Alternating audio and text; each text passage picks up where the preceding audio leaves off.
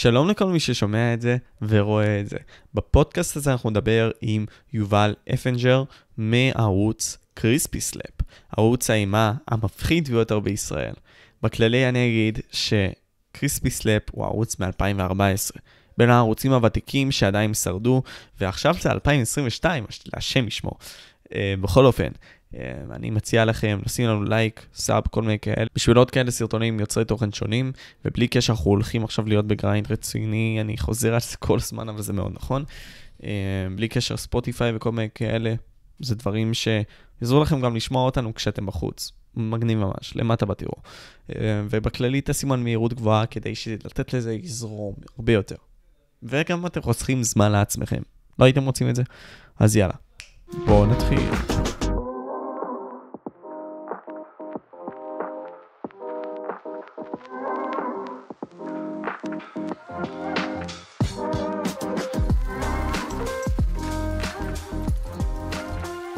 ספר לי אחי על תחילת המסע שלך, כי בסופו של יום, אתה יודע, כשאנחנו מתחילים את יוטיוב, הרי זה מסע לא מוסבר, אחי. אתה מנסה ליצור תוכן, אתה לא יודע איפה זה הולך להיגמר. מה היו החלומות שלך? היה לך שאיפה? כל מיני כאלה, תספר לי, אחי. התחלתי בתור uh, ערוץ Minecraft.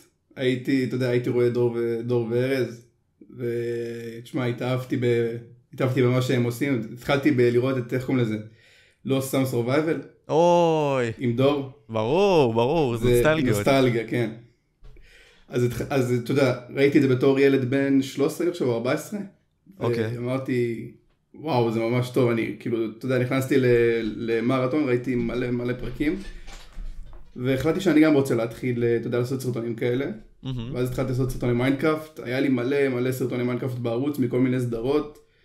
עשיתי גם סדרת סורייבל, אה, אתה יודע, נראה לי עלו לי איזה 700 סאבים. אבל מתי שהערוץ שבאמת התחיל אה, לקבל סוג של תאוצה, אתה יודע, יותר להתפרסם, זה היה מתי ש... שהתחלתי לעשות סיקורים על משחקים. Mm. היה לי סדרה שקראו לה... אגב, כאילו משהו שאני לא יודע אם ידעת את זה, אבל תמיד, כמעט מאז, כמעט מאז היום הראשון הייתי עושה אה, דברים מפחידים כאילו על משחקים. נכון.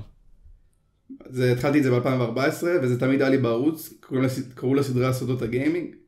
אה, ואתה יודע, עשיתי אותה, היא תמיד הייתה מוצלחת, ובין היתר עשיתי תוך כדי גם דברים שקשורים למשחקים, סיכויים למשחקים ודברים כאלה. ואז בשלב מסוים, זה היה ב-2015, שאמרתי בוא נעשה ניסוי. אמרתי, אני עכשיו רוצה לעלות סרטון קריפס, נראה איך אנשים יגיבו לזה. ואנשים הגיבו לזה ממש ממש טוב. זה היה כאילו, זה היה נראה לי פי ארבע מהכמות שאני רגיל לקבל, גם הלייקים וגם הצפיות וגם התגובות. ואמרתי, טוב, כנראה שזה עובד, אז... וגם כאילו זה אשכרה התוכן היחידי שבו אני יכול, אה, אתה יודע, לממש את הפוטנציאל שלי בתור אה, יוצר תוכן.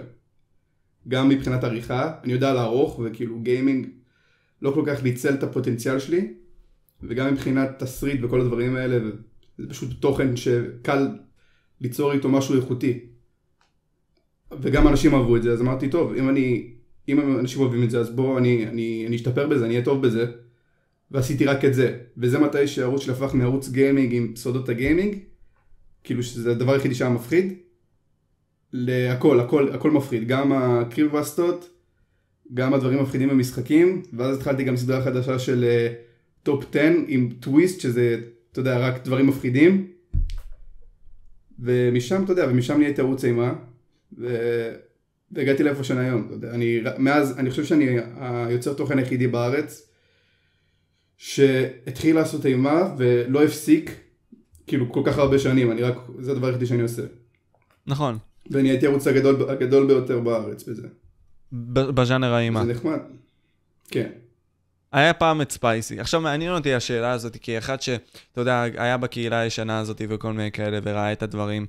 הרי היה גם את ספייסי שגם התחיל באותה תקופה, אם אני לא טועה, לפני שמונה שנים לעשות את הסרטונים. לקחת ממנו אולי השראה, הוא, או כל מיני כאלה? הוא התחיל שנה לפניי. שנה לפניך?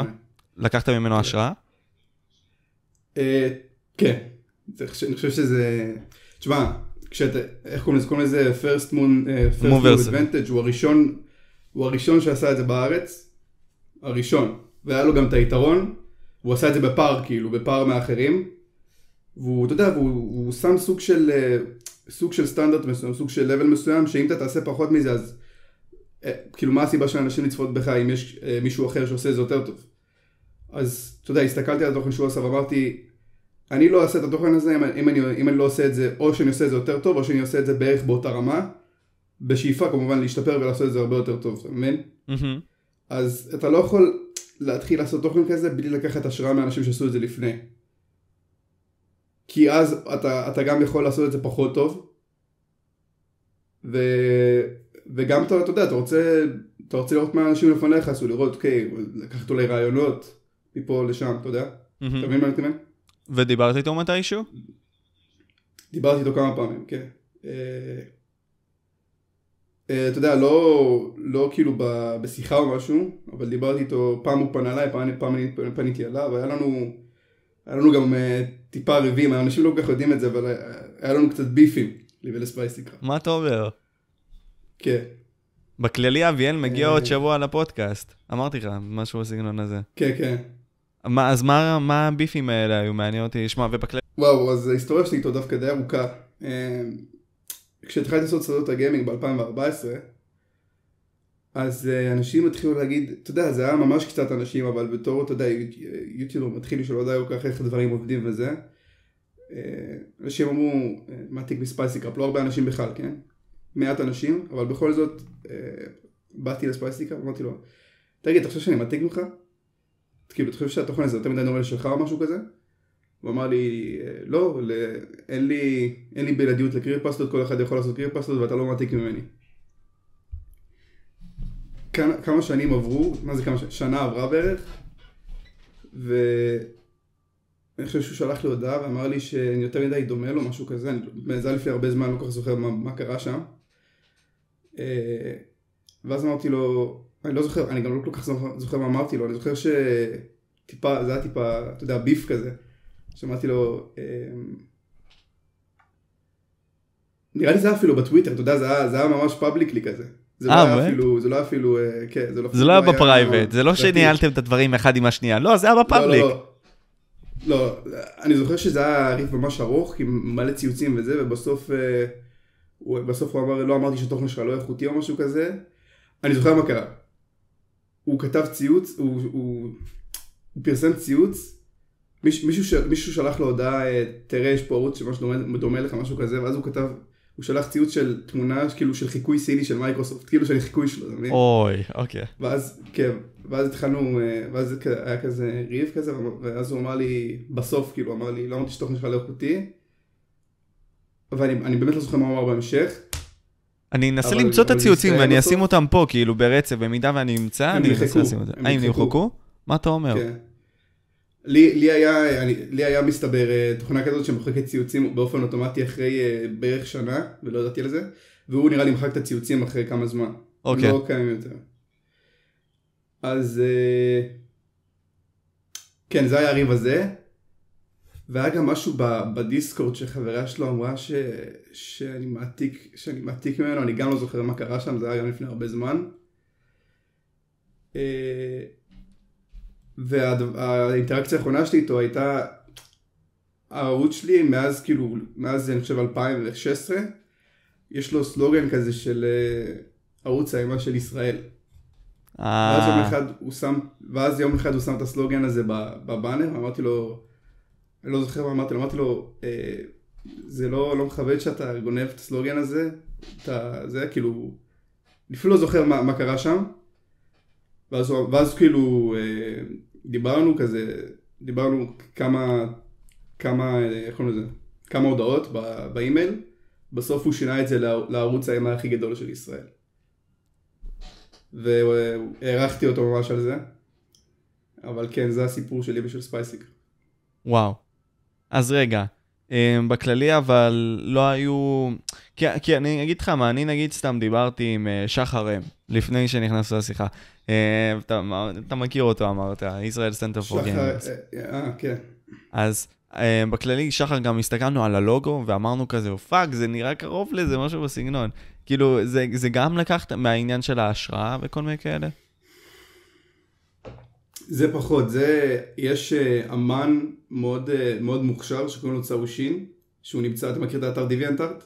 דיוויאנטארט, אה, שמעתי על זה, כן. הם... מכיר, מכיר, מכיר.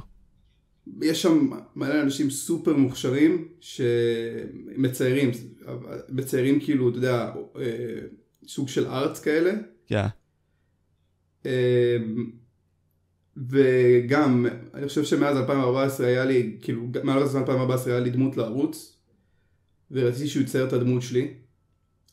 והוא יקר גם, כן, הוא עלה, כל הזה שלו עלה לי בערך 40 דולר. או, רק damn. לתמונה. למה אתה לא פנית לי תאילנדי? או פיליפיני ב Fiverr ב-2014, סתם, לא, אבל לא היה, לא נראה לי היה זה לא Fiverr. אותה איכות. כן.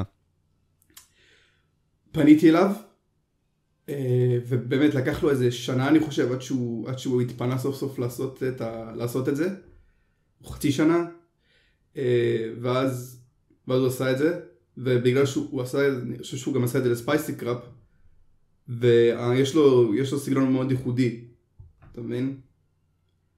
אז אנשים, אז זה יצא מאוד דומה למה שהיה לספייסי קראפ. Mm. אבל בכללי, כשאתה נכנס עמוק לתוכן שלך, בכללי אתה רואה את ההבדלים. אתה עושה את זה לגמרי שונה, ואתה יודע, יש סגנון מאוד יופי שאני כאחד שגם, אתה יודע, צפיתי בך, אה, וגם לפני הרעיון גם צפיתי והכנסתי עצמי למוח פשוט הסרטונים שחלקם גם ראיתי בעבר. אמרתי לעצמי, באמת, עד עכשיו אפילו, כאחד שהוא בן 18 וכאחד שפשוט, פעם לא הייתי רואה ממש את הקהילה הישראלית עד לפני שנה נניח, כי לקחתי פאוזה. אה, תשמע, אני עדיין יכול לצפות בתוכן שלך, וזה לא קרינג'י וזה לא כלום, אחי. דווקא כאילו, באמת שאני נהנה משם. אז קודם כל, תיקח אותי לעניין הזה של איך אתה חשבת ליצור את הסרטון כפי שאתה עושה אותו. כלומר, מה התהליך שיש לך, נגיד סתם, מההתחלה ועד הסוף, בין אם זה בהצגה של, לא יודע מה, סיפור מסוים, ובין אם זה בהצגה של טופ 10 הדברים ש...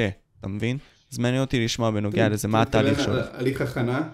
כן, ההליך של הכנה. עצמו, נכון, נכון, נכון, בדיוק. אז אה, ככה, זה מתחיל ב... אתה יודע, ב... לאסוף חומרים, לאסוף חומר לסרטון כדי לחפש, לעשות סוג, סוג של תחקיר אה, בגוגל, אתה יודע. אה, מסתכל על כתבות, מסתכל על כל מיני אה, דברים שאולי אה, עניינו הרבה אנשים בחו"ל. ואז אני מתרגם, התוכ- כאילו 100% מהתוכן הוא מתורגם, שום דבר לא, לא כתוב בעברית, כן?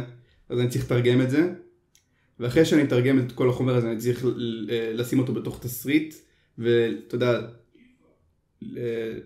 לשנות אותו ככה ש...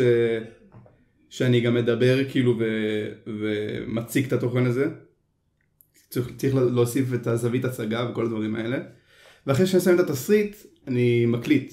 מקליט את הקול שלי ומקליט את ה... שזה החלק הכי קשה בשבילי. אתה לא מבין כמה טעויות. אני מקליט את ה... את התס... קורא מהתסריט ומקליט את עצמי.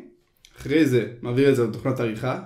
מוסיף מוזיקה וכל מיני אפקטים אם צריך, אתה יודע, אמ, נגיד בסיפורים אז מישהו ש- שעובר עכשיו חלון אז צריך להוסיף אה, אפקט של מישהו שעובר חלון. דברים כאלה. אחרי שנסיים את הסאונד אני עורך את הוידאו. עכשיו את הוידאו אמ, חלק אני עורך בס- בווגאס, סוני וגאס, שהיום קוראים לזה וגאס פרו, וחלק אני עורך באפטר אפקטס. וואו. אז קודם כל, כן. אחרי שאני מסיים לערוך את הוידאו, אחרי שאני מסיים לערוך את הוידאו, את הסאונד ואת התסריט, הסרטון מוכן בערך. מוכן בערך.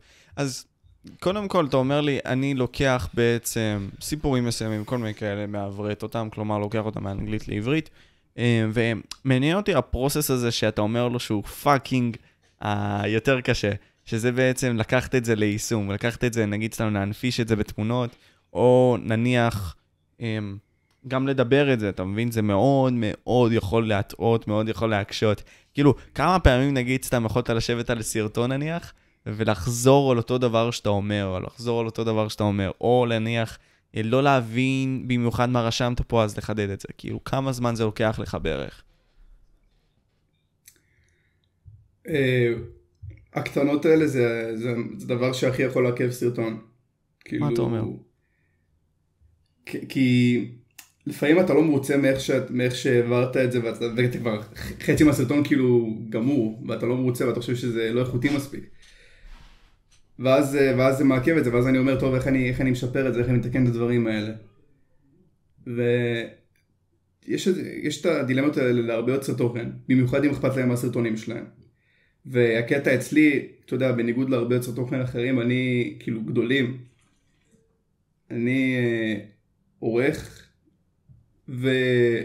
ומתרגם ומוצא חומרים הכל לבד, בלי עזרה של, של אנשים אחרים או אנשים שאני משלם להם שיעשו את זה בשבילי, אני עושה את הכל לבד פשוט. זה לא קשוח, תגיד לי? זה כן.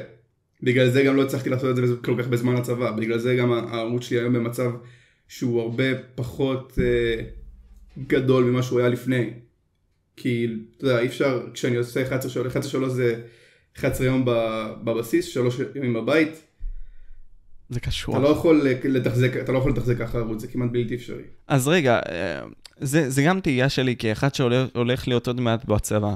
ויש הרבה מאוד יוצרי תוכן שהלכו לצבא, ואתה יודע, הרבה מאוד מהערוצים שלהם מתו, מסיבה מכך.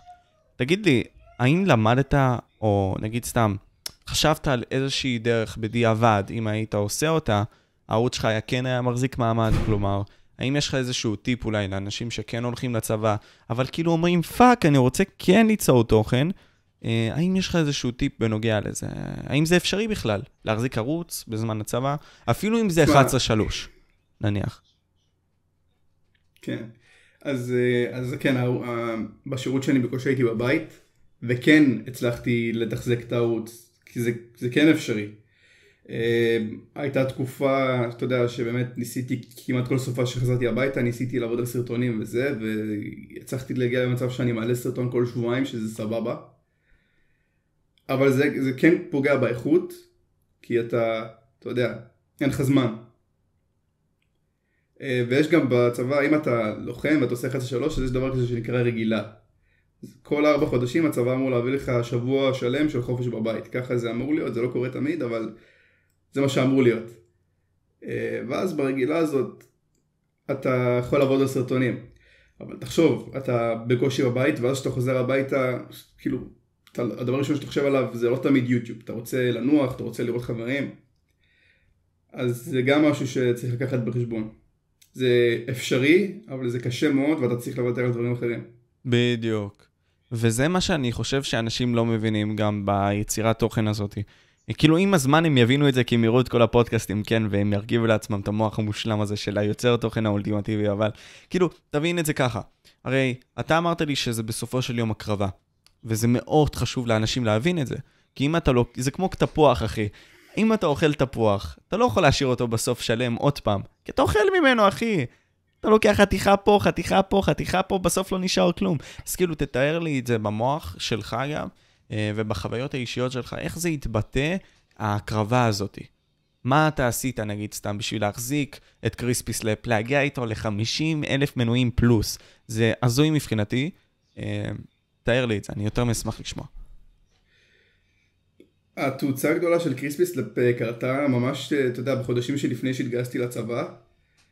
עד אז הוא עמד על איזה 15 אלף סאבים, ואז בערך בחודש מרץ 2019, היה לי ארבע חודשים שהיה לי מלא זמן פנוי, כי אתה יודע, אתה לא הולך הרבה לבית ספר כי יש רק בגרויות, ויש לי ארבע חודשים עד שאני מתגייס לצבא.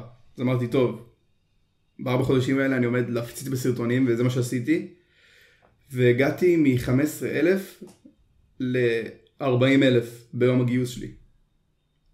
40,000 סאבים, שזה מטורף. כל סרטון שלי הגיע ל-200, כי מלא סרטונים שלי הגיעו ל-200 אלף אה, צפיות, 100 אלף צפיות. כן, אה, כמעט כל סרטון שהייתי מעלה בטופ הדברים המפחידים, אה, הגיע לסרטונים החמים, שזה גם, וגם סרטונים שלו הגיעו לסרטונים החמים, לטרנדינג, וזה היה מטורף כאילו. ואז התגייסתי. אבל אתה יודע, כשיש לך כל כך הרבה זמן זה פחות הקרבה, כי זה יותר בחירה של מה שאתה רוצה לעשות. אם אתה רוצה אה, להתמקד בלעשות סרטונים, תתמקד בלעשות סרטונים, ועדיין אין לך זמן להיפגש עם חברים וזה, אבל כשאתה בצבא זה כבר משהו אחר, זה כבר הקרבה, אתה מבין? כי את רוב הזמן שלך בסופו של יום, כאילו, כשאתה חוזר הביתה ואתה רוצה לראות את המשפחה גם, אני מניח, אתה רוצה לראות את החברים, אני מניח, כאילו, יש לנו פאקינג חיים לאנשים. אז אתה אומר לי שבסופו של יום, גם, זה יותר ליצור כמה שיותר לפני, אמ, כי באמצע לא בטוח שאתה תצליח לעשות את זה.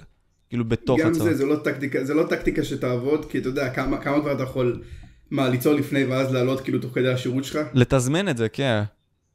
לתזמן, זה, זה לא, יע- כאילו זה יעבוד, אבל זה ייגמר, זה, זה ייגמר בסופו של דבר, זה לא משהו שיכול להחזיק אה, שנתיים, אפילו לא שנה, אפילו לא חצי שנה. מה אתה אומר?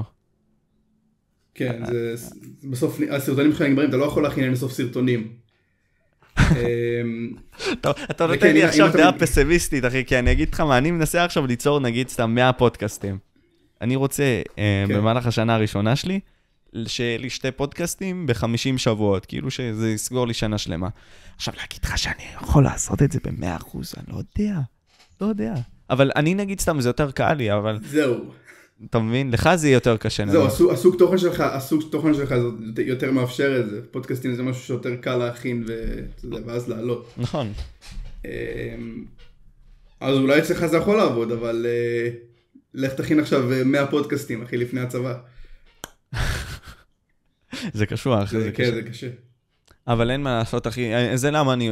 וזה זה כן מבאס אותי, כי יש הרבה מאוד ערוצים, ואתה יודע אותם מן הסתם, שהלכו לצה"ל ומתו, אחי, כאילו, ואולי אחרי זה חזרו, ניסו לעשות קומבק, אבל זה לא אותו דבר, כי יש דיסוננס, אחי. אה, ופה אני, מע- מעניינת אותי השאלה הזאת, עכשיו אתה תכף חוזר ליוטיוב בצורה גדולה יותר, אני מניח. כלומר, אתה כן תחזור עכשיו, אה, אה, איזה, זה המחשבה האישית שלי, אתה תעלה כמו שאתה העלית פעם, או משהו בסגנון הזה. זה, זה מה שאתה הולך לעשות? לחזור בגדול, מה שנקרא. זה משהו שאני, רוצה לנסות לעשות. התחלתי כבר לעלות סרטונים לפני אה, שבועיים בערך.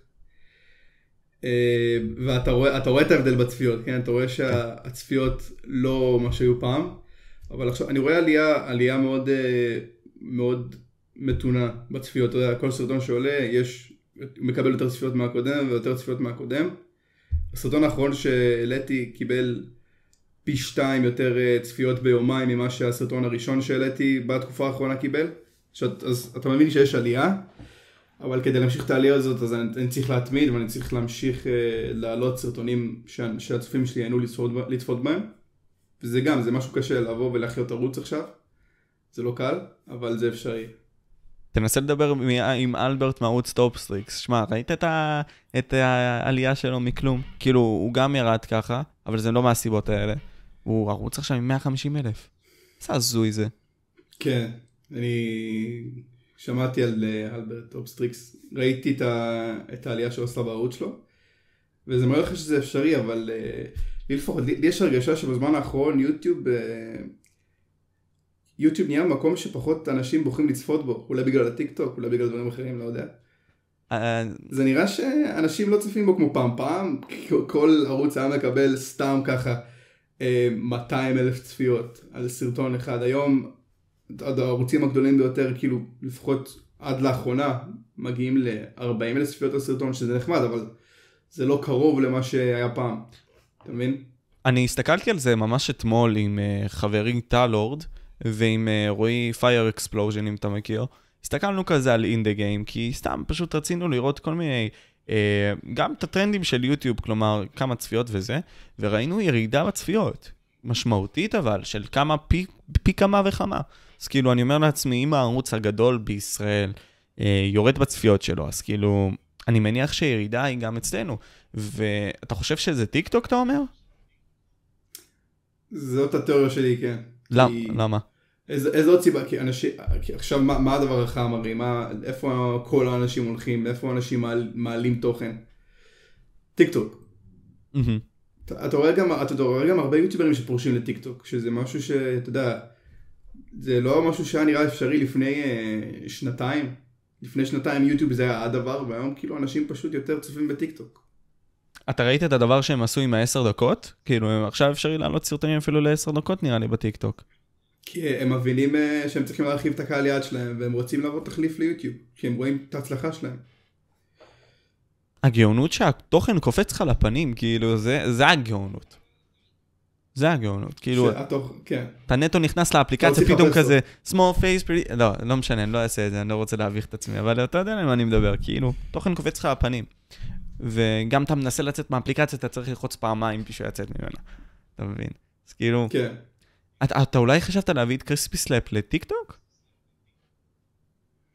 תשמע, זו הייתה מחשבה שלי, אבל אה, אני, אני פשוט רואה, אני רואה מה קורה בטיקטוק וזה, כאילו לצערי זאת פלטפורמה זולה, כאילו זה, התוכן שם יחסית זול, כאילו זה, אתה לא רואה שם תכנים שבאמת איכותיים, אתה יודע, תכנים שאתה, שאתה רואה כאילו עריכה מטורפת או תוכן מעניין, אתה יכול למצוא שם, אבל ההרגשה היא זולה, אתה מבין מה אני מדבר? כן, אני לגמרי מבין מה אתה מדבר. אבל אתה יכול להיכנס לזה יותר, אני אשמח לשמוע מה אתה מנסה לה, להגיד לי גם פה. אמ, אתה מגלגל בטיקטוק ואתה רואה איזה מישהי בת עשר רוקדת, אה, רוקדת אה, על, על שיר מטומטם. עכשיו יש אנשים שמתחברים לזה. אני צופה גם בטיקטוק ואני נהנה, ואתה יודע, ויש יש דברים ש, שאני אוהב לראות שם, אבל אני לא רואה את עצמי, אתה יודע, מכין תוכן לטיקטוק, כי הפלטפורמה הזאת פשוט לא, אני לא חושב ש... שאנשים ירצו לצפות בתוכן איכותי בטיקטוק. Mm. תוכן שהוא לא מתאים לטיקטוק. אני אגיד לך מה, וזאת דעתי האישית. במידה והסרטון שלך בטיק, ביוטיוב, אה, יש בו את הקופצניים האלה כל שנייה, אני, אני די בטוח שאתה גם מבין בזה, בכל הקטע הזה של ה-retention span וכל מיני כאלה, ואנחנו נוכל להיכנס לזה. אבל אם יש לך אותו גם ביוטיוב, אז אני אישית לא רואה סיבה למה בטיקטוק זה לא יתפוס. נניח, אתה יודע, יש לי את חבר uh, Fire Explosion, את uh, רועי שדיברתי איתו אתמול, ומה עשו? לקחו את הערוץ שלו, של האנימציות, אני, אני לא יודע אם אתה מכיר, מכיר את הערוץ הזה?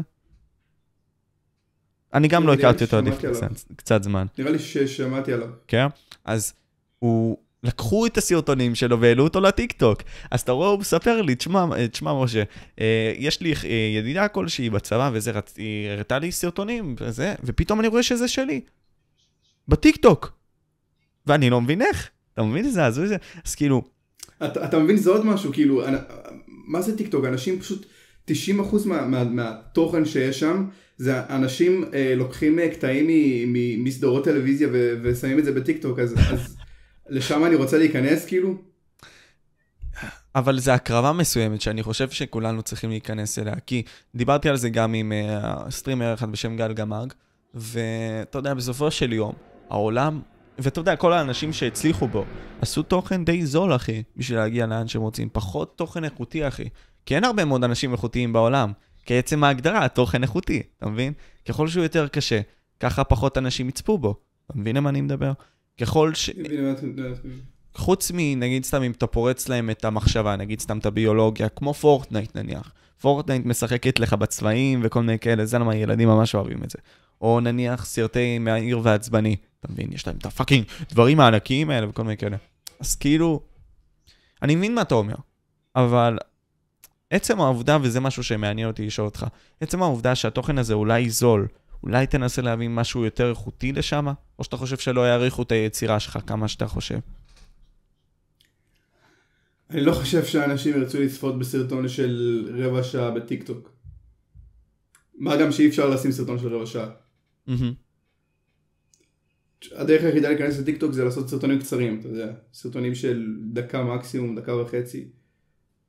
אבל זה, אני לא חושב שזה משהו שאני רוצה לעשות. כאילו, זה יכול להביא לי צפיות, זה יכול להביא לי אנשים, אבל זה, אני לא חושב שזה משהו שאני רוצה לעשות, אתה מבין? כן, כן, כן, אני מבין מה אתה מדבר. אז לדעתך גם, את, וזה זה תהייה של כל יוטיובר עכשיו או סטרימר בכללי, להיכנס לטיקטוק ופשוט להגדיל את הנכס שלהם לשם ולהביא אותו ליוטיוב. האם אתה חושב שזה משהו כן הגיוני לעשות בכללי? כן, זה מחשבה מאוד הגיונית, ליצור תוכן אחר, בפלטפורמה אחרת, כדי לקדם את הפלטפורמה הראשית שלך, זה, זה נשמע הגיוני, ושקלתי לעשות את זה, אבל עדיין לא הגעתי להחלטה. Mm.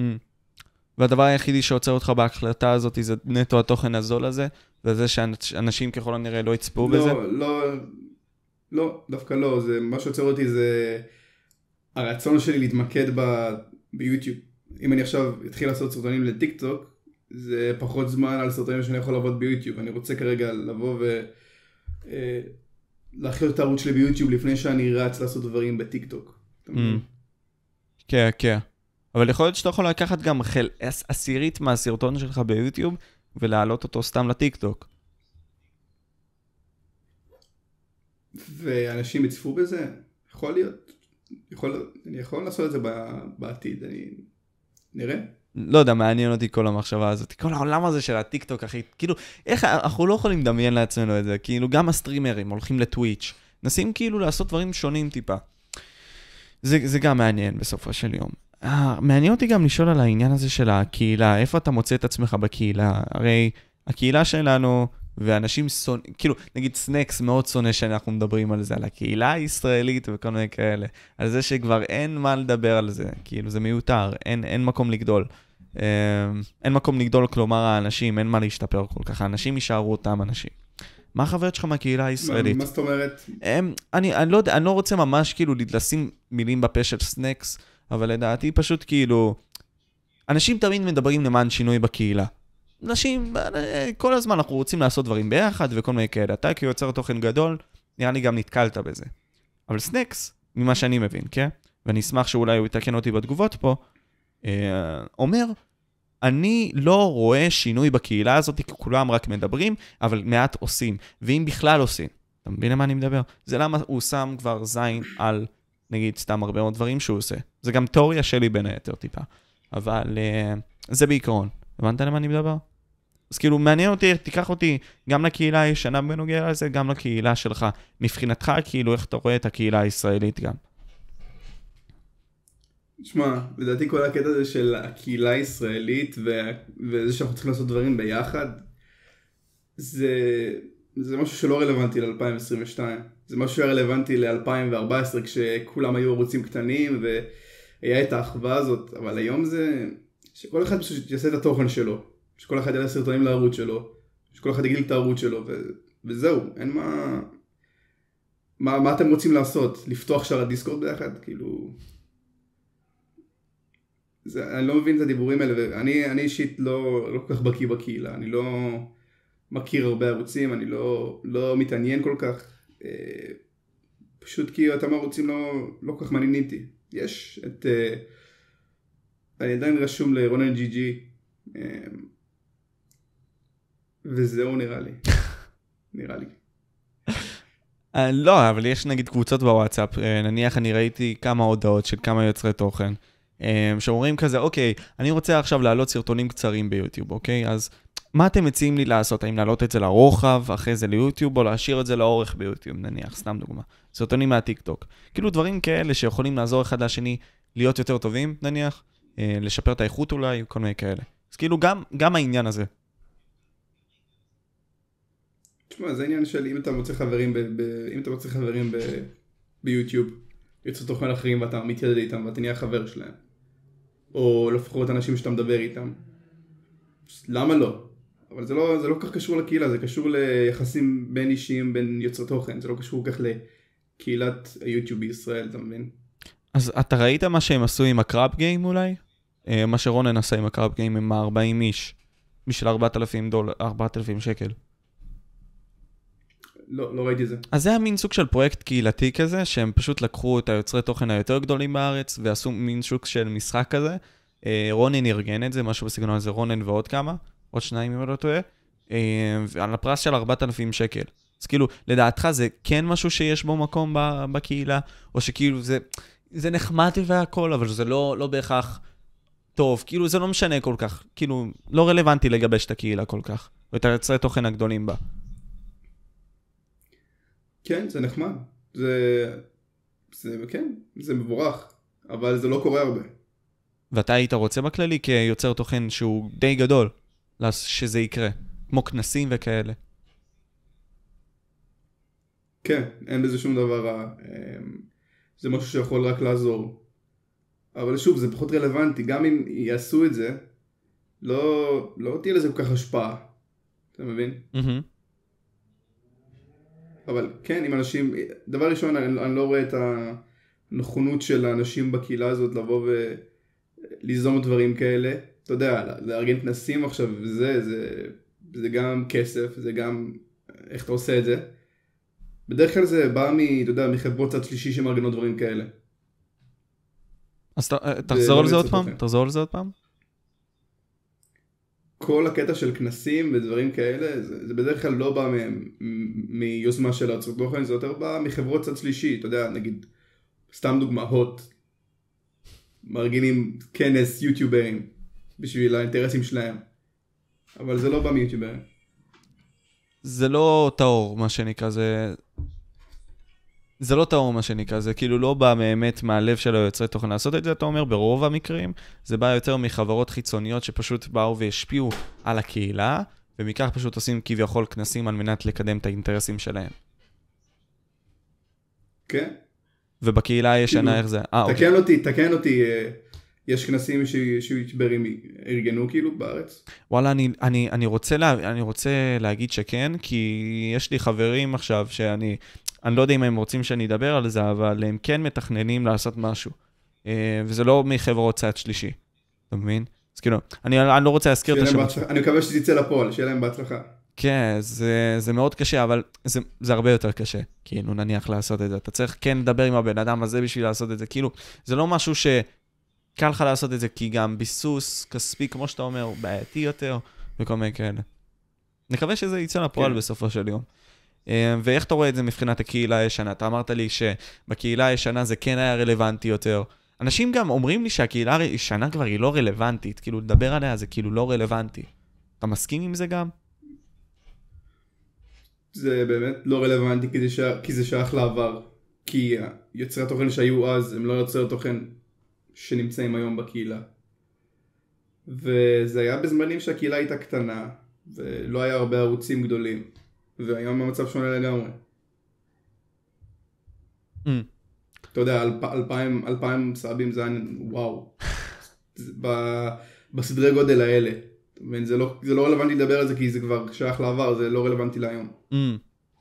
אתה, מאיפה, ממתי אתה בערך רואה שנעשתה, או אולי יש לך מין סוג של אירוע כזה שהפך את הקהילה הזאת לקהילה החדשה הזאת, שכבר כסף נכנס בה וכל מיני כאלה. יוצרי תוכן כבר נעשו, אתה יודע, אה, כוכבי, אה, לא יודע, כוכבי סדרות וכל מיני כאלה נכנסו לסדרות כלשהם, אתה מבין למה אני מדבר? אז כאילו, יש לך בערך כן. זמן לזה? שהכסף נכנס וזה הכל כבר נעשה יותר, יותר שונה. תשמע, זה תהליך, זה, זה לא קרה בבום, זה התחיל, אני חושב שזה התחיל ב-2015 בערך, שערוצים כמו טופגיק וזה התחילו כבר אה, להיות בקשר עם גוגל, אה, והרבה אנשים, אתה יודע, אה, התחילו, איך קוראים לזה, להתמסחר. עכשיו, אין בזה משהו רע, כן? כן. זה סבבה לגמרי לעשות כסף מהצד, מחברות ולקדם אותן, זה סבבה לגמרי.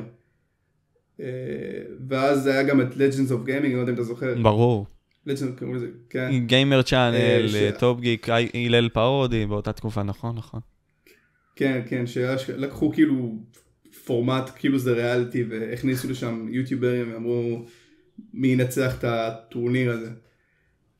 אה, אז אתה יודע, זה קרה והמשיך והמשיך. אני חושב שזה הגיע לשיא שלו בערך לפני שנתיים, שאנשים אה, באמת התחילו לככב בסדרות טלוויזיה, אה, אנשים מיוטיוב.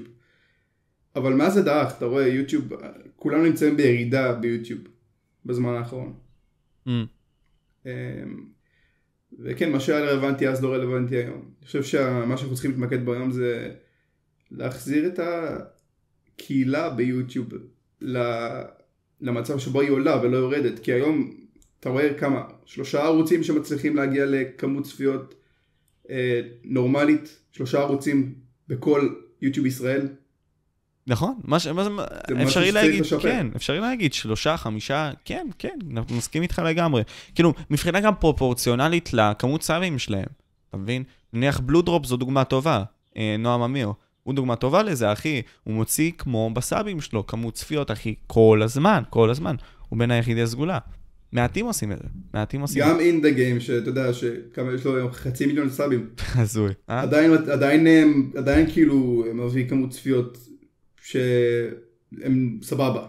כן. הם זה כאילו כמו פעם כביכול. אמ, וזהו, ורולן ג'י ג'י עדיין מקבל אחלה של צפיות ב, ב, בשידורים שלו. אבל אתה מסתכל על האחרים ואתה רואה אנשים עם 200 אלף אה, סאבים, אנשים עם 100 אלף, 150, מקבלים 20 אלף צפיות על, ה- על הסרטונים שלהם, שזה זה לא תקין. זה או שאנשים הפסיקו להתעניין בהם, אתה- או שיוטיוב בכללי נמצא בירידה, יוטיוב בישראל. אתה יודע, זה משהו, נושא, משהו עניין אותי, אני, אני רוצה להגיד את זה, אבל אני לא יודע אם להגיד את זה. אבל, אתה יודע, יש, יש uh, משהו שראיתי. Uh, היום נכנסתי סתם ברנדומליות לגמרי, מכיר את הווילה? שמעת עליו בקטנה? הוא סטרימר, הוא סטרימר. שמעתי על טווילה, כן. שמעתי עליו. אז טווילה הוא אחלה, אחלה של סטרימר והכל, נכנסתי סתם אחי לשידור שלו, של אותו Crab Game. ובאותה נקודה איכשהו במקריות, ושמעתי על זה אתמול, ממישהו. אז אמרו לי, הוא אמר, יש יוצרי תוכן שקונים בוטים, וכל מיני כאלה. וסאבים וכל מיני כאלה. שמעת על זה? בכללי? על התופעה הזאת? אני אישית לא, אני אישית לא שמעתי על התופעה. לא שמעת על זה, אוקיי. פשוט משהו הזוי, כי ממה שהבנתי, יש יוצרי תוכן שאשכרה קונים בוטים בתור צפיות גם, וככה מגדילים את הערוץ שלהם. משהו הזוי, לא יודע, פעם ראשונה שמעתי על זה. אתמול. זה, זה מטומטם כי אתה קונה בוטים, ומה זה בוטים? זה, זה מספר. זה... אני, אני לא מבין למה זה תורם, אבל... אה, וגם זה נשמע לי מוזר שאנשים יעשו את זה, אבל... יכול להיות שאתה צודק. אה, סוג של מחשבה שרצה לי במוח. עכשיו אני... אולי, אולי הם לא רוצים להיראות כ, כיוצרים שהערוץ שלהם מת, או משהו כזה, אז הם קונים בוטים. אבל... כן, זה מוזר לשמוע את זה. לא יודע, מי שרוצה שיחקור על זה, יעשה את העבודה החשאית הזאת, אה, אני עכשיו הולך למצוא את זה, סתם, אבל אתה יוצא תוכן האלה בכללי. תשמע, אני רוצה להיכנס יותר לאומנות שלך. אה, קודם כל, אתה... כל העניין... אומנות. אומנות, לא, באמת זה אומנות, אחי, כי בסופו של יום, כשאתה חושב על התהליך יצירה הזה של כל התכנים שלך, אחי, זה יצירה שאתה בונה לעצמך. זה כמו baby כזה קטן, אחי, שאתה בונה, כאילו, באמת משהו בסגנון הזה. אתה, אתה, קודם כל, אתה אוהב את מה שאתה עושה? כן, אם לא, אם לא הייתי אוהב לעשות את זה, אז לא הייתי עושה את זה. אתה יודע, אני עכשיו אזרח, אני, אני עוד, עוד שנייה משתחרר. צריך, אתה יודע, אה, אני צריך עוד מעט למצוא עבודה, אה, להתחיל בחיים שלי. כאילו יוטיוב זה משהו ש... תחביב, משהו שאני אוהב לעשות. Mm. ולא חשבת למנף את זה אולי? לאיזשהו נכס שלך שיגדיל את השם שלך אולי? מה זאת אומרת? כלומר, זה, זה קונספט שאני חשבתי עליו. הרי ביוטיוב אתה בנית לעצמך קהילה של 50 אלף. עזוב אם הם חלקם פעילים יותר, חלקם פעילים פחות, whatever. אבל בסופו של יום, אותם 50 אלף, אפילו אם זה נגיד עשירית מהם, יכולים, לא יודע מה, למנף אותך, להיות loyal fan שלך, ולעזור לך בדרך שלך. נגיד, אתה רוצה עכשיו להגיע לאיזושהי משרה וכל מיני כאלה, וואלה, אתה יכול להשתמש בקהל הזה כמשהו שיכול לעזור לך, אתה מבין למה אני מדבר? לתמוך בך, whatever, אתה מבין?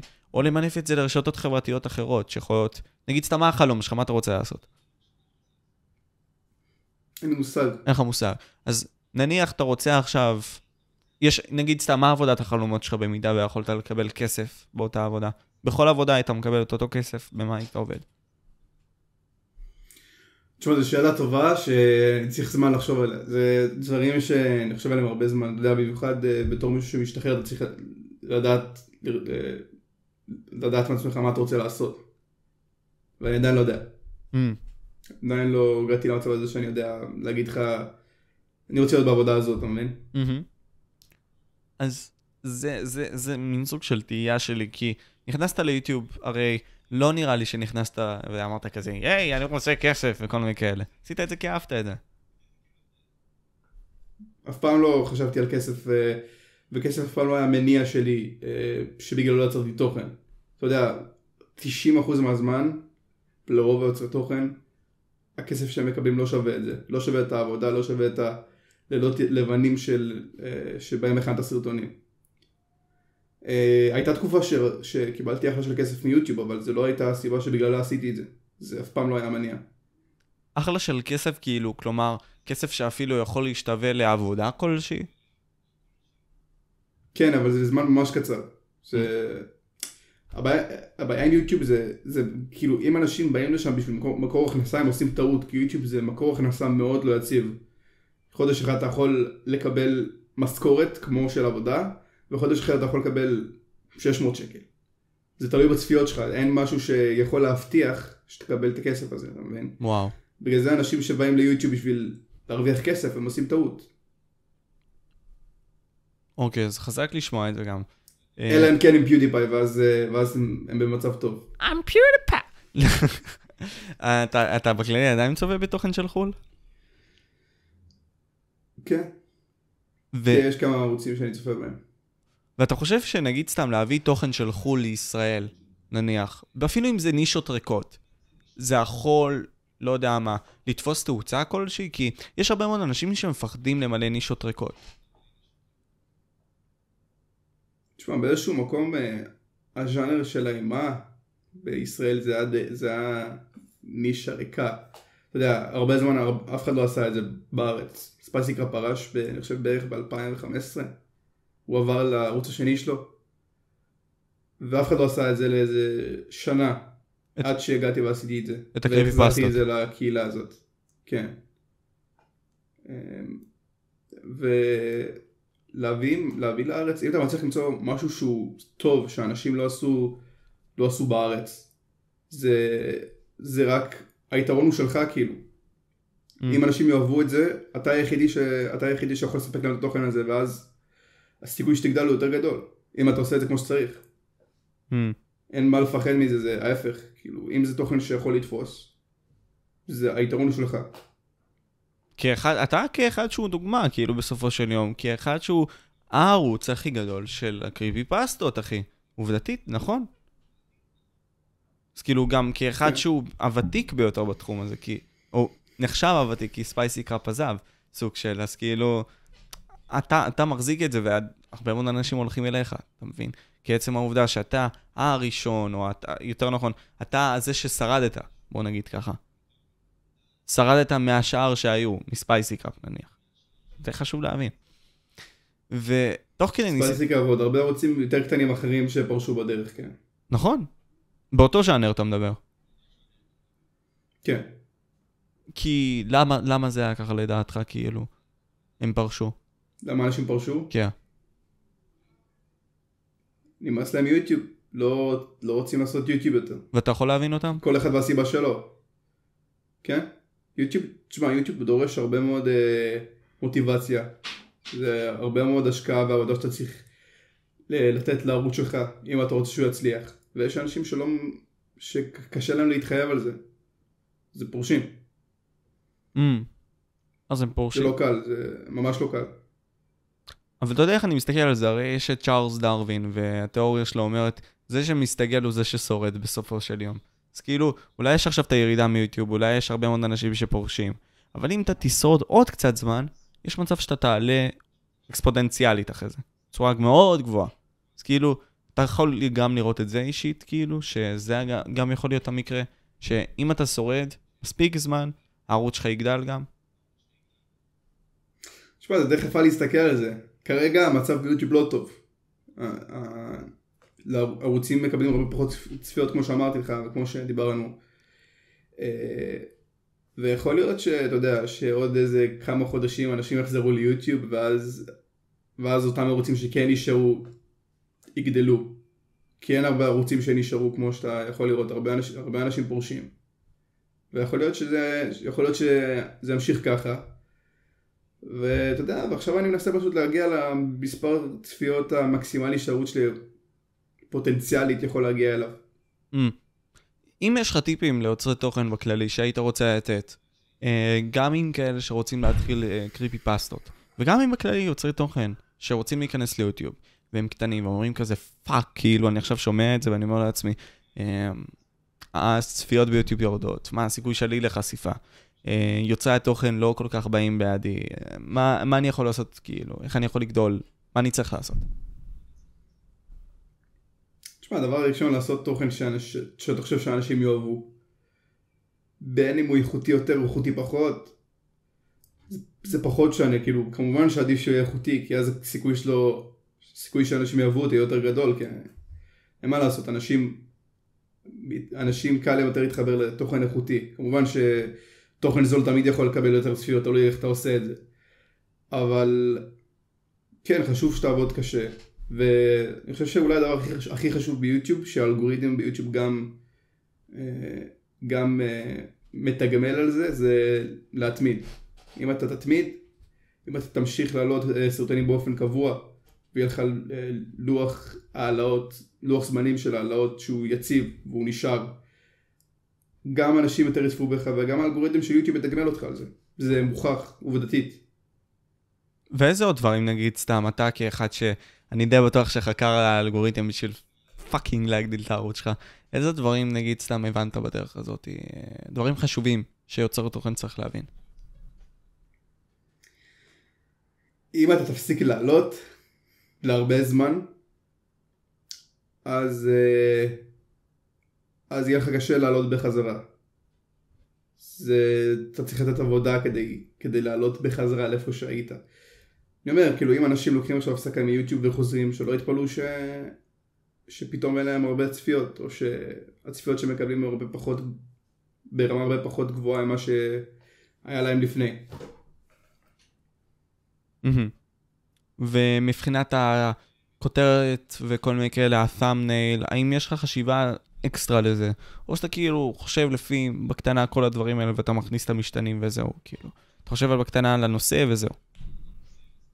תשמע, thumbnail וכותרת זה, אלה הדברים הכי, הכי, חשוב, הכי חשובים שיכולים להיות בסרטון, חוץ מהתוכן שלו.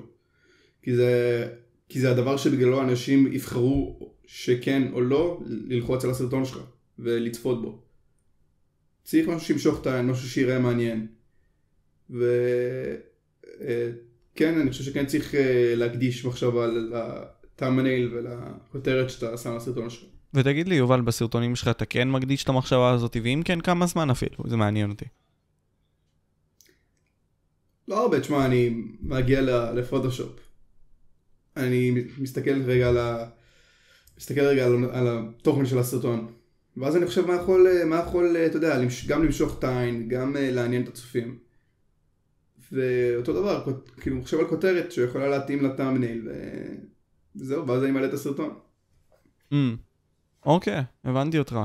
תגיד לי בכללי, אמ, בין לבין המעבר הזה עכשיו של צבא וכל מיני כאלה, יש לך קושי מסוים לחזור לסרטונים בא- באופן הזה שאתה רוצה? כי זה מעניין, אתה הרי רוצה לחזור, אבל האם יש לך קושי כזה בלהתניע את המנוע שלך עוד יותר אקסטרה? להעביר להילוך נוסף? כאילו, אתה מדבר על ה...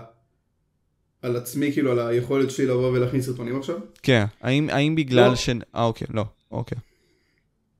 אה, תשמע, לאורך השנים אני למדתי לייעל את העבודה שלי ולגרום לזה שיהיה לי יותר קל להכין סרטונים, שאני אוכל... אה, תשמע, זה ניסיון. זה, אני, אני ביוטיוב כמה זמן? שמונה שנים, שבע שנים. קרוב לזה, כן, זה כבר מ-2014 בערך. מהסרטון של אירו כן. בריין. כן, אז אה, זה ניסיון שאתה, שאתה צובר. תוך כדי אתה לומד לייעל את העבודה שלך, ו... ואז אתה תדע להכין סרטונים בצורה יותר אה, אפקטיבית. ואיך זה הגיע לך, החשיבה האפקטיבית הזאת? כאילו, מה זה אומר גם להיות תוך אפקטיבי כדי, בעבודה תוך שלך? כדי תנועה. אוקיי, תוך תסביר כדי את זה. תנועה אתה לומד את הדברים האלה. נגיד, אני אגיד לך מה, היה לי, היה לי סופש אחד שחזרתי מהצבא, ורציתי להכין סרטונים. עכשיו יש לך שלושה ימים להכין כמה שיותר סרטונים. איך אתה עושה את זה? בצורה הכי יעילה שאתה יכול.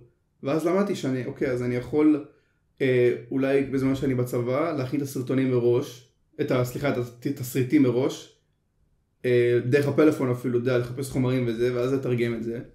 ואז כל, כשאתה מגיע הביתה כל התסריטים מוכנים לך. Mm, ואתה יכול, יפה. ואתה יכול, ואז אתה יכול להקליט את הכל, להקליט הכל בבת אחת, אז יש לך את הכל מוקלט, ואז מה שנשאר לך עכשיו זה רק לערוך הכל, לערוך את הסרטונים, ואז אתה יכול להעלות אותם. וזו הדרך הכי מהירה שאתה יכול, שאיתה אתה יכול להעלות את הסרטונים. במקום שעכשיו אני אגיע הביתה, ואז בבית אני אחפש דרך המחשב את, ה, את החומרים ואני אתרגם את זה בבית, אני יכול לעשות את זה לפני. ואז כשאני מגיע כבר, כמעט הכל יהיה מוכן לי, ומה שנשאר זה להקליט ולערוך. mm. וואו, זה חזק דווקא, ממש אהבתי. אז כאילו אתה אומר לי, כן. אני מנצל את הזמן שלי לפני זה, ואז אחרי זה, אני, הכל מוכן אצלי, מה שנשאר לי זה פשוט להקליט. כן. וואו. זה דברים שבאמת באים עם הניסיון. כאילו, אז אתה אומר, גם בסופו של יום בשביל למקסם או לשפר את התוכן שלך, אתה צריך להתחיל ולעשות, בכדי להבין את הטעויות ולהבין מה אתה טוב בו ומה פחות טוב, ואיך לשפר את זה גם. אז תגיד לי, יובל, נגיד סתם, יש פה, אני, גם בקהילה הרבה מאוד אנשים שרוצים להתחיל לרוץ בגיל 14, 13 וכל מיני כאלה. אתה רואה בזה משהו רע? כי יש כאלה יוצרי תוכן שאומרים שכן. ממש לא, ממש לא. ההפך, ככל שתתחיל יותר מוקדם, ככה תצבור יותר ניסיון, ואז, אתה יודע, אחרי כמה שנים, כשכבר יש לך ניסיון, יהיה לך הרבה יותר קל ליצור סרטונים יותר איכותיים, שאנשים יתחברו אליהם יותר. אם תתחיל בגיל 16, ואוקיי, הקול שלך כבר לא ציפציף בגיל 16, אבל אין לך שום ניסיון, אתה לא יודע איך לערוך, אתה לא יודע איך להכין סרטון, אתה לא יודע איך לגשת את זה בכלל. אז זה בזבוז זמן, אתה תכין סרטון בגיל 16, אבל הסרטונים שלך לא יהיו טובים כי אין לך ניסיון. הדעה של טווילה נניח, ודיברתי על זה איתו בפודקאסט, הוא אמר לי שעדיף שהיוצרי תוכן יתחילו ליצור בגיל 18, כי אז גם אה, הקול שלך נשמע טוב, גם אנשים ירצו לשמוע אותך יותר. כאילו, אה, גם אתה פחות ציף-ציף, יותר יתייחסו אליך. אתה מבין למה אני מדבר? זהו, אז... אה, אני אישית מסכים עם הדעה שלך יותר, שתהיה בעניין. הדעה שלך יותר נכונה, כי גם אני עברתי את זה. גם אתה עברת את זה. כאילו, אנחנו... אני גם התחלתי בגיל 14.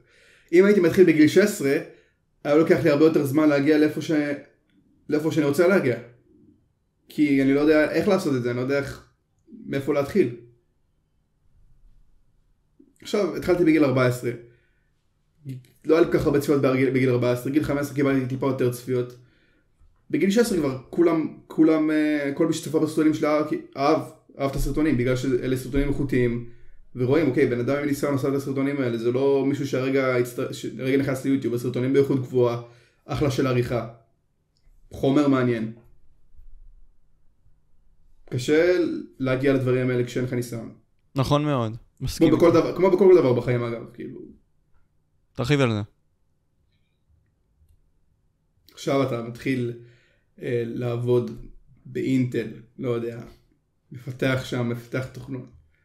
אתה תהיה גרוע בהתחלה, אתה לא יודע איך זה באמת עובד, למד, למדת תאורטית דברים בא, באוניברסיטה או בדבר שלא למדת, אבל התכלס, תכלס לא עשית כלום עד אותו רגע. אז אתה בהתחלה אתה טיפה אולי תהיה לא טוב וזה, אבל אתה לומד, אתה צובר ניסיון. ואז אה, גם הבוסים שלך יחזיקו ממך יותר, וגם uh, אתה בכללי, אתה... יש עבודות. אגב, יש עבודות בישראל, בכל העולם, שדורשות, uh, שהקבלה אליהן דורשות מספר מסוים של שנים של, של ניסיון באותו תחום. וזה מסיבה מסוימת, אתה יודע. נכון, נכון, נכון. הרי אם אתה מתחיל את המסע שלך יותר מוקדם, גם אתה לומד מטעויות של אחרים ומשל עצמך. מאה אחוז, נכון. אז אמ, בוא ניכנס לזה גם ככה. אתה ניסית לעשות שיתופי פעולה עם יוצרי תוכן מסוימים תוך כדי הדרך שלך? כן. ואז זה עבד? עשיתי עם... אה, לא, תענה על זה ואחרי זה אני אשאל. כאילו רציתי לשאול אם זה עבד גם. אתה זוכר את אה, תמיר אייצי גיימרטיוב? זוכר אותו? תמיר אייצי גיימרטיוב. אני רואה... כן, כן, נראה לי שכן, הוא הגיע לאיזה 10 אלף, לא? ממש, ממש ישן. הגיע לאיזה 10 אה? אלף לדעתי, לא? משהו בסגנון הזה 5. 7 אלף, משהו כזה. כן. עשיתי איתו, זה השיתוף פעולה הראשון שלי, עשיתי איתו ב-2015. אה, שנה אחרי זה עשיתי עם שדו סקופס. עם אורת. שתי סרטונים שעלו לערוץ שלו, עם אורת, כן. אה, שתי סרטונים שעלו לערוץ שלו, ועוד סרטון אחד שעלה לערוץ שלי. היה הצלחה, כאילו, אצלו זה קיבל אה, מאה ומשהו אלף סאבים, אצלי זה קיבל שלושים אלף, אבל זה, אין ספק שזה היה מוצלח. אה, ואז ממש לפני חצי שנה עשיתי עם אה, ערוץ אימה יחסית חדש. החלטתי, כאילו חשבתי שהוא עושה תוכן ממש איכותי. אמרתי, טוב, למה שאני לא אעשה איתו סרטון? הוא פנה אליי. אמרתי, כאילו, הסתכלתי על התוכן שלו, אמרתי, למה לא? אם יש הזדמנות, אתה יודע, לבוא ולש... ו... אמ, לשפר את המעמד של הז'אנר האימה בישראל, אז למה לא?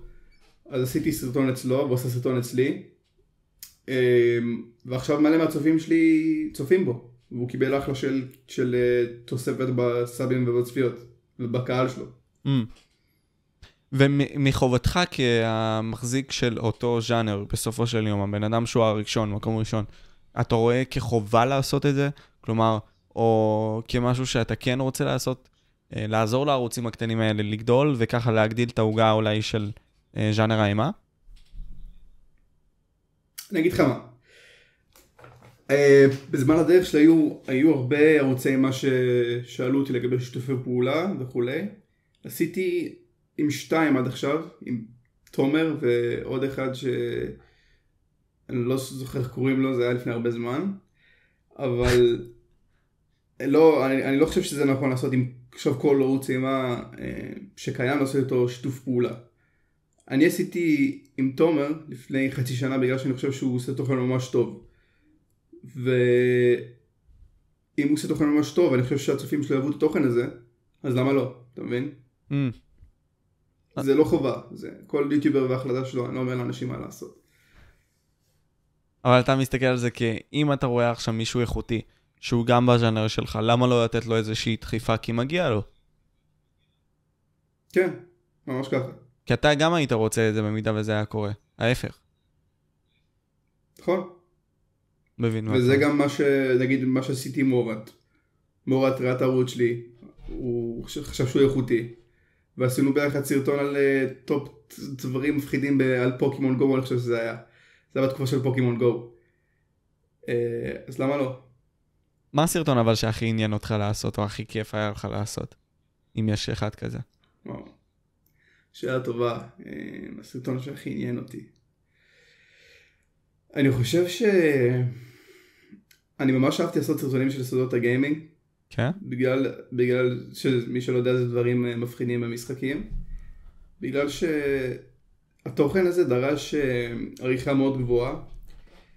והחומר עצמו המעניין. ובכללי אני אוהב לעשות תוכן שמממש את הפוטנציאל שלי בתור אה, יוצר תוכן, אמרתי לך את זה כבר.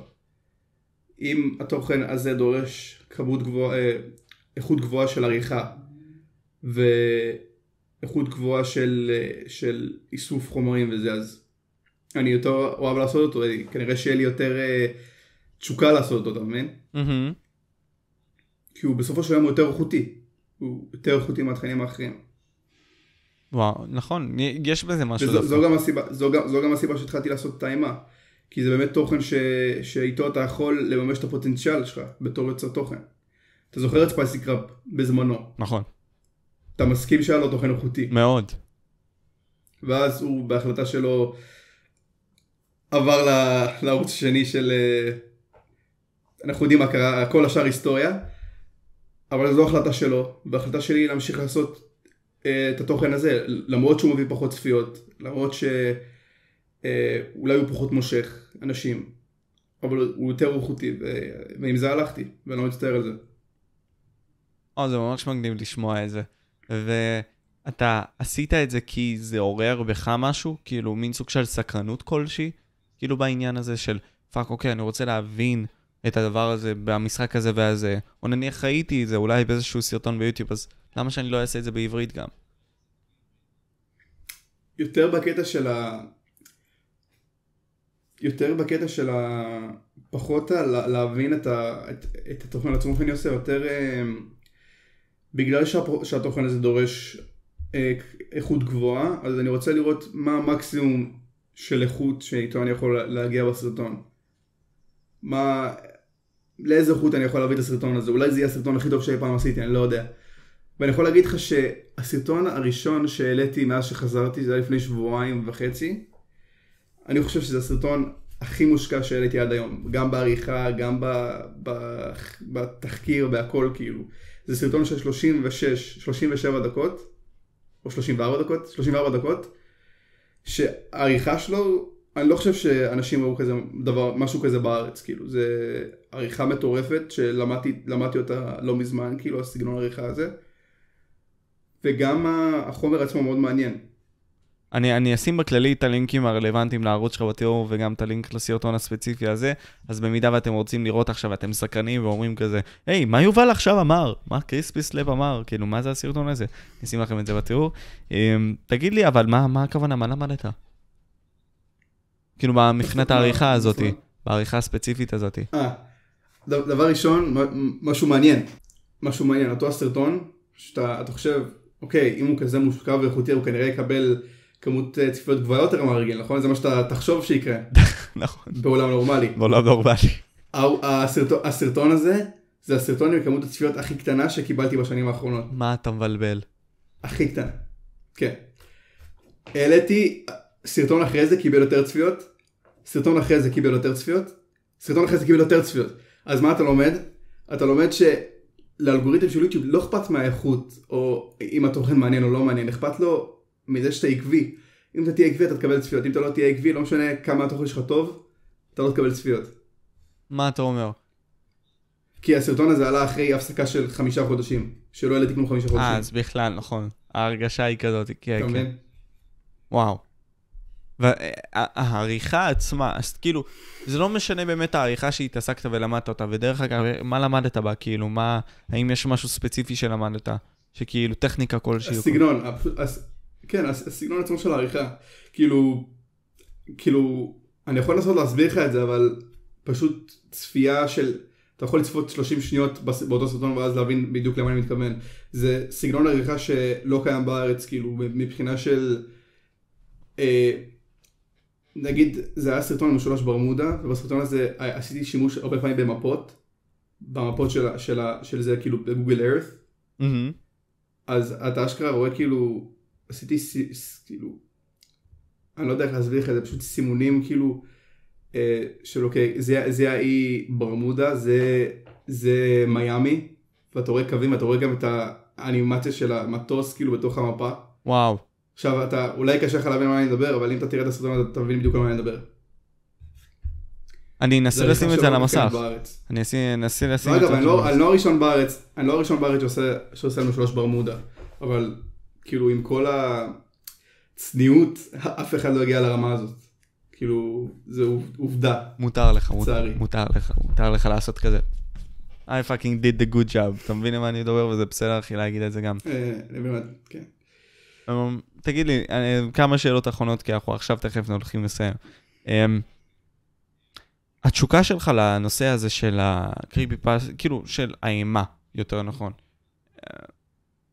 הוא מילא לך איזשהו משהו שנגיד סתם רצית לבטא גם בחיים שלך, כאילו, או מאיפה הסכנות הזאת הגיעה לעשות את מה שאתה עושה?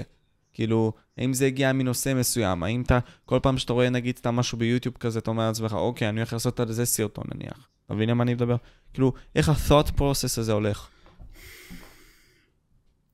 תשמע, יש הרבה פעמים שאני אני נתקל בסרטון ביוטיוב, ואני אומר, וואו, זה סרטון שנשמע מעניין לעשות עליו סרטון. כי גם, גם אתה רואה שאנשים, כאילו, האינטראקציה עם הסרטון הזה, כאילו, היא גבוהה, והרבה אנשים צופים בזה ומתעניינים בזה. אז אני אומר, טוב, אם אנשים בחו"ל מתעניינים בזה, אז אולי גם בארץ יתעניינו בזה.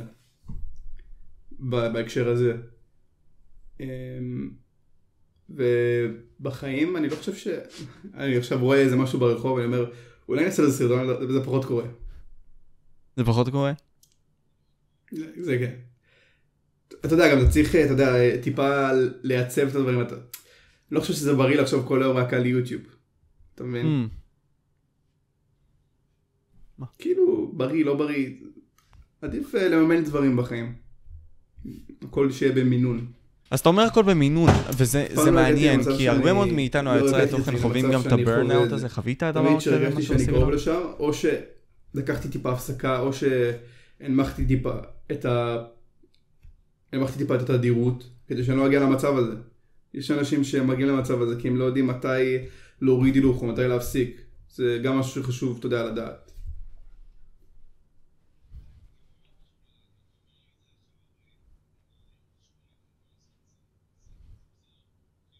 זה באמת חשוב לדעת, ואתה אומר לי את זה עכשיו, הרי לא לחשוב על יוטיוב. לא, אה, כש, כשאני מרגיש שאתה יודע, יש לי זמן פנוי, או, או שאתה יודע, אין לי, אין לי כל כך מה לעשות עכשיו, למה שאני לא אעבוד על סרטון? למה שאני לא, שאני לא, אתה יודע, אתחיל לעבוד על סרטון? ונראה משם איך זה מתקדם, אם אני רואה שטוב, נמאס לי, אני עייף מאוד, אני אפסיק, אני אנוח, או, שאני, או שאם השעה מאוחרת אני אלך לישון, ואני אמשיך מחר. Mm. ויצא לך הרבה מאוד פעמים שנגיד סתם גם היה לך procrastination כזה, שפשוט כאילו היית כזה בטלפון ולא רצית לעשות שום סרטון וכל מיני כאלה, רצית פשוט לנוח וזה הכל. וזה בסדר גם ליצירת תוכן. כן. זה בסדר ליצירת תוכן. בסדר לה... ליוצר כן. תוכן.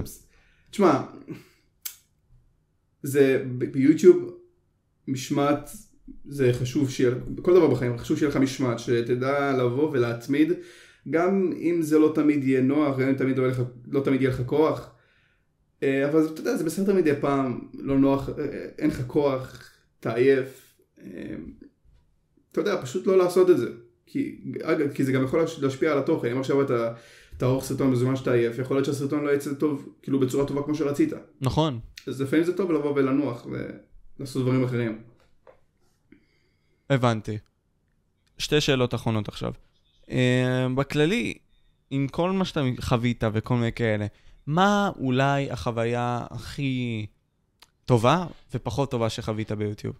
משני המאזניים, כאילו מה יותר טוב ומה הכי פחות טוב שחווית?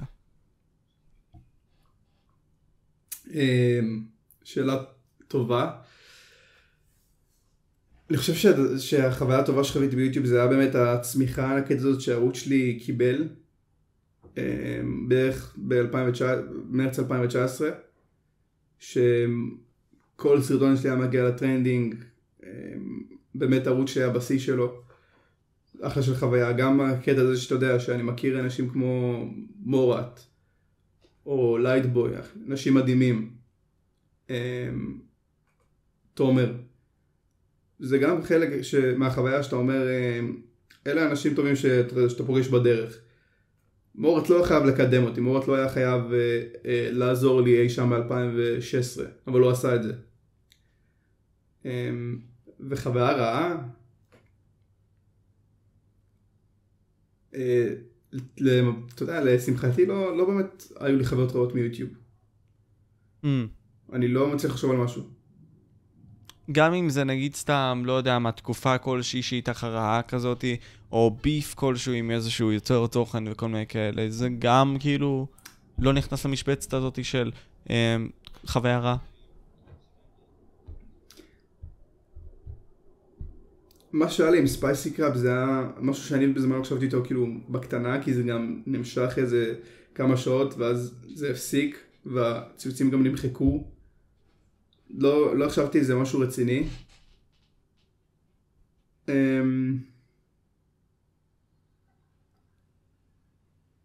אני לא מצליח לחשוב על משהו, משהו, חוויה רעה שקרתה לי ביוטיוב. זה טוב, זה דווקא טוב ממש להגיד, כאילו, זה, זה, זה אומר שאתה בסופו של יום, כאילו, בבועה שלך, חווית אותה טוב, והיה לך כיף. ונהנית מהחוויה הזאת, אחי. כן. אז לסיכום הדברים... אני, אני, גם, כן. אני גם אמרתי לך, אני, אני לא כל כך, אני לא כל כך אה, מרבה לתקשר עם אנשים אחרים בקהילה. לא, לא כל כך ניסיתי להיכנס לתוך הקהילה הזאת בזמן, בזמן שהייתי ביוטיוב. אנשים מעטים, כאילו מי שאמרתי לך לפני uh, כמה דקות, אלה האנשים. לא ניסיתי לבוא עכשיו ולהתחבר עם רונן ג'יג'י או מי עוד, אינדה גיים, עוד כשהם היו יותר קטנים, לא, לא ניסיתי, לא באתי וניסיתי לבוא ולדבר עם אנשים אחרים בקהילה. פשוט התעסקתי בערוץ שלי, התעסקתי בהכין התוכן אצלי. לא, לא, לא, לא הסתכלתי ככה מסביב. ואולי אולי זאת הסיבה שלא חוויתי יותר חוויות ממה שהיית חושב שהייתי חווה. Mm. אז תגיד לי, בתור אחד שהערוץ שלו הוא די גדול, איך אתה חווה את הקהל שלך? כלומר, איך אתה יכול לתאר בעצם שיש לך קהל צופים של 50 אלף, אה, פלוס כבר, כאילו יש לך יותר, אבל איך אתה יכול לתאר את זה בראש שלך שיש אנשים שמחכים לסרטון שלך, מחכים שאתה תוציא אותו, ונהנים מהיצירה שלך, אחי, כאילו, לגמרי. כאילו, אני גם אתן לך את הקרדיט המלא הזה, שוואלה, באמת יש לך סרטונים שאני יכול אישית לצפות, כאילו, במידה ואני רוצה, ואני לא ארגיש שאני מבזבז את הזמן שלי בכלל, כי גם זה כיף, אתה עושה את זה בעריכה כיפית מאוד. ואני נהנה מהם. מעריך את זה מאוד. כן, אז איך אתה חווה את הקהל שלך, איך אתה מדמיין את זה בראש שלך גם? אה, אין ספק שהקהל זה החלק הכי טוב ביוטיוב, זו הסיבה ש... שהיוצרות תוכן עושים את זה, בלי הקהל אין ערוץ. אה, וזה זה, זה החלק הכי טוב ביוטיוב. אה, הקהל שלי ספציפית, אני חושב שהוא אחד הקהלים הכי טובים שיכולים להיות לערוץ ביוטיוב. אתה יודע, יש לי 50 אלף אה, סאבים, שזה זה גדול, אבל זה לא ענק, זה לא in the game, זה לא רולן ג'י ג'י, זה לא nonstop gaming, זה סבבה. ויחסית לכמות סאבים שלי, האינ- האינטראקציה של הצופים לסרטונים שלי היא מדהימה. אנשים מחכים לסרטונים, אנשים מעריצים, אנשים, אתה יודע, אני מפרסם פוסט בקהילה, הפוסט מגיע לאלף אלף אה, ומשהו לייקים, וואו, שתחשוב אה, שזה מטורף. זה ממש מטורף דווקא. זה כאילו משהו כן. שקרה לפני קצת זמן, כאילו, אתה אומר לי?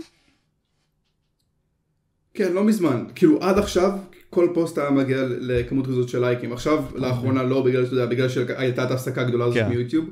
אז עכשיו, ת, תמיד יש את ההפסקה, ואז לוקח לי זמן להגיע לזה, ובסוף אני מגיע לזה עוד פעם, אחרי לא הרבה זמן.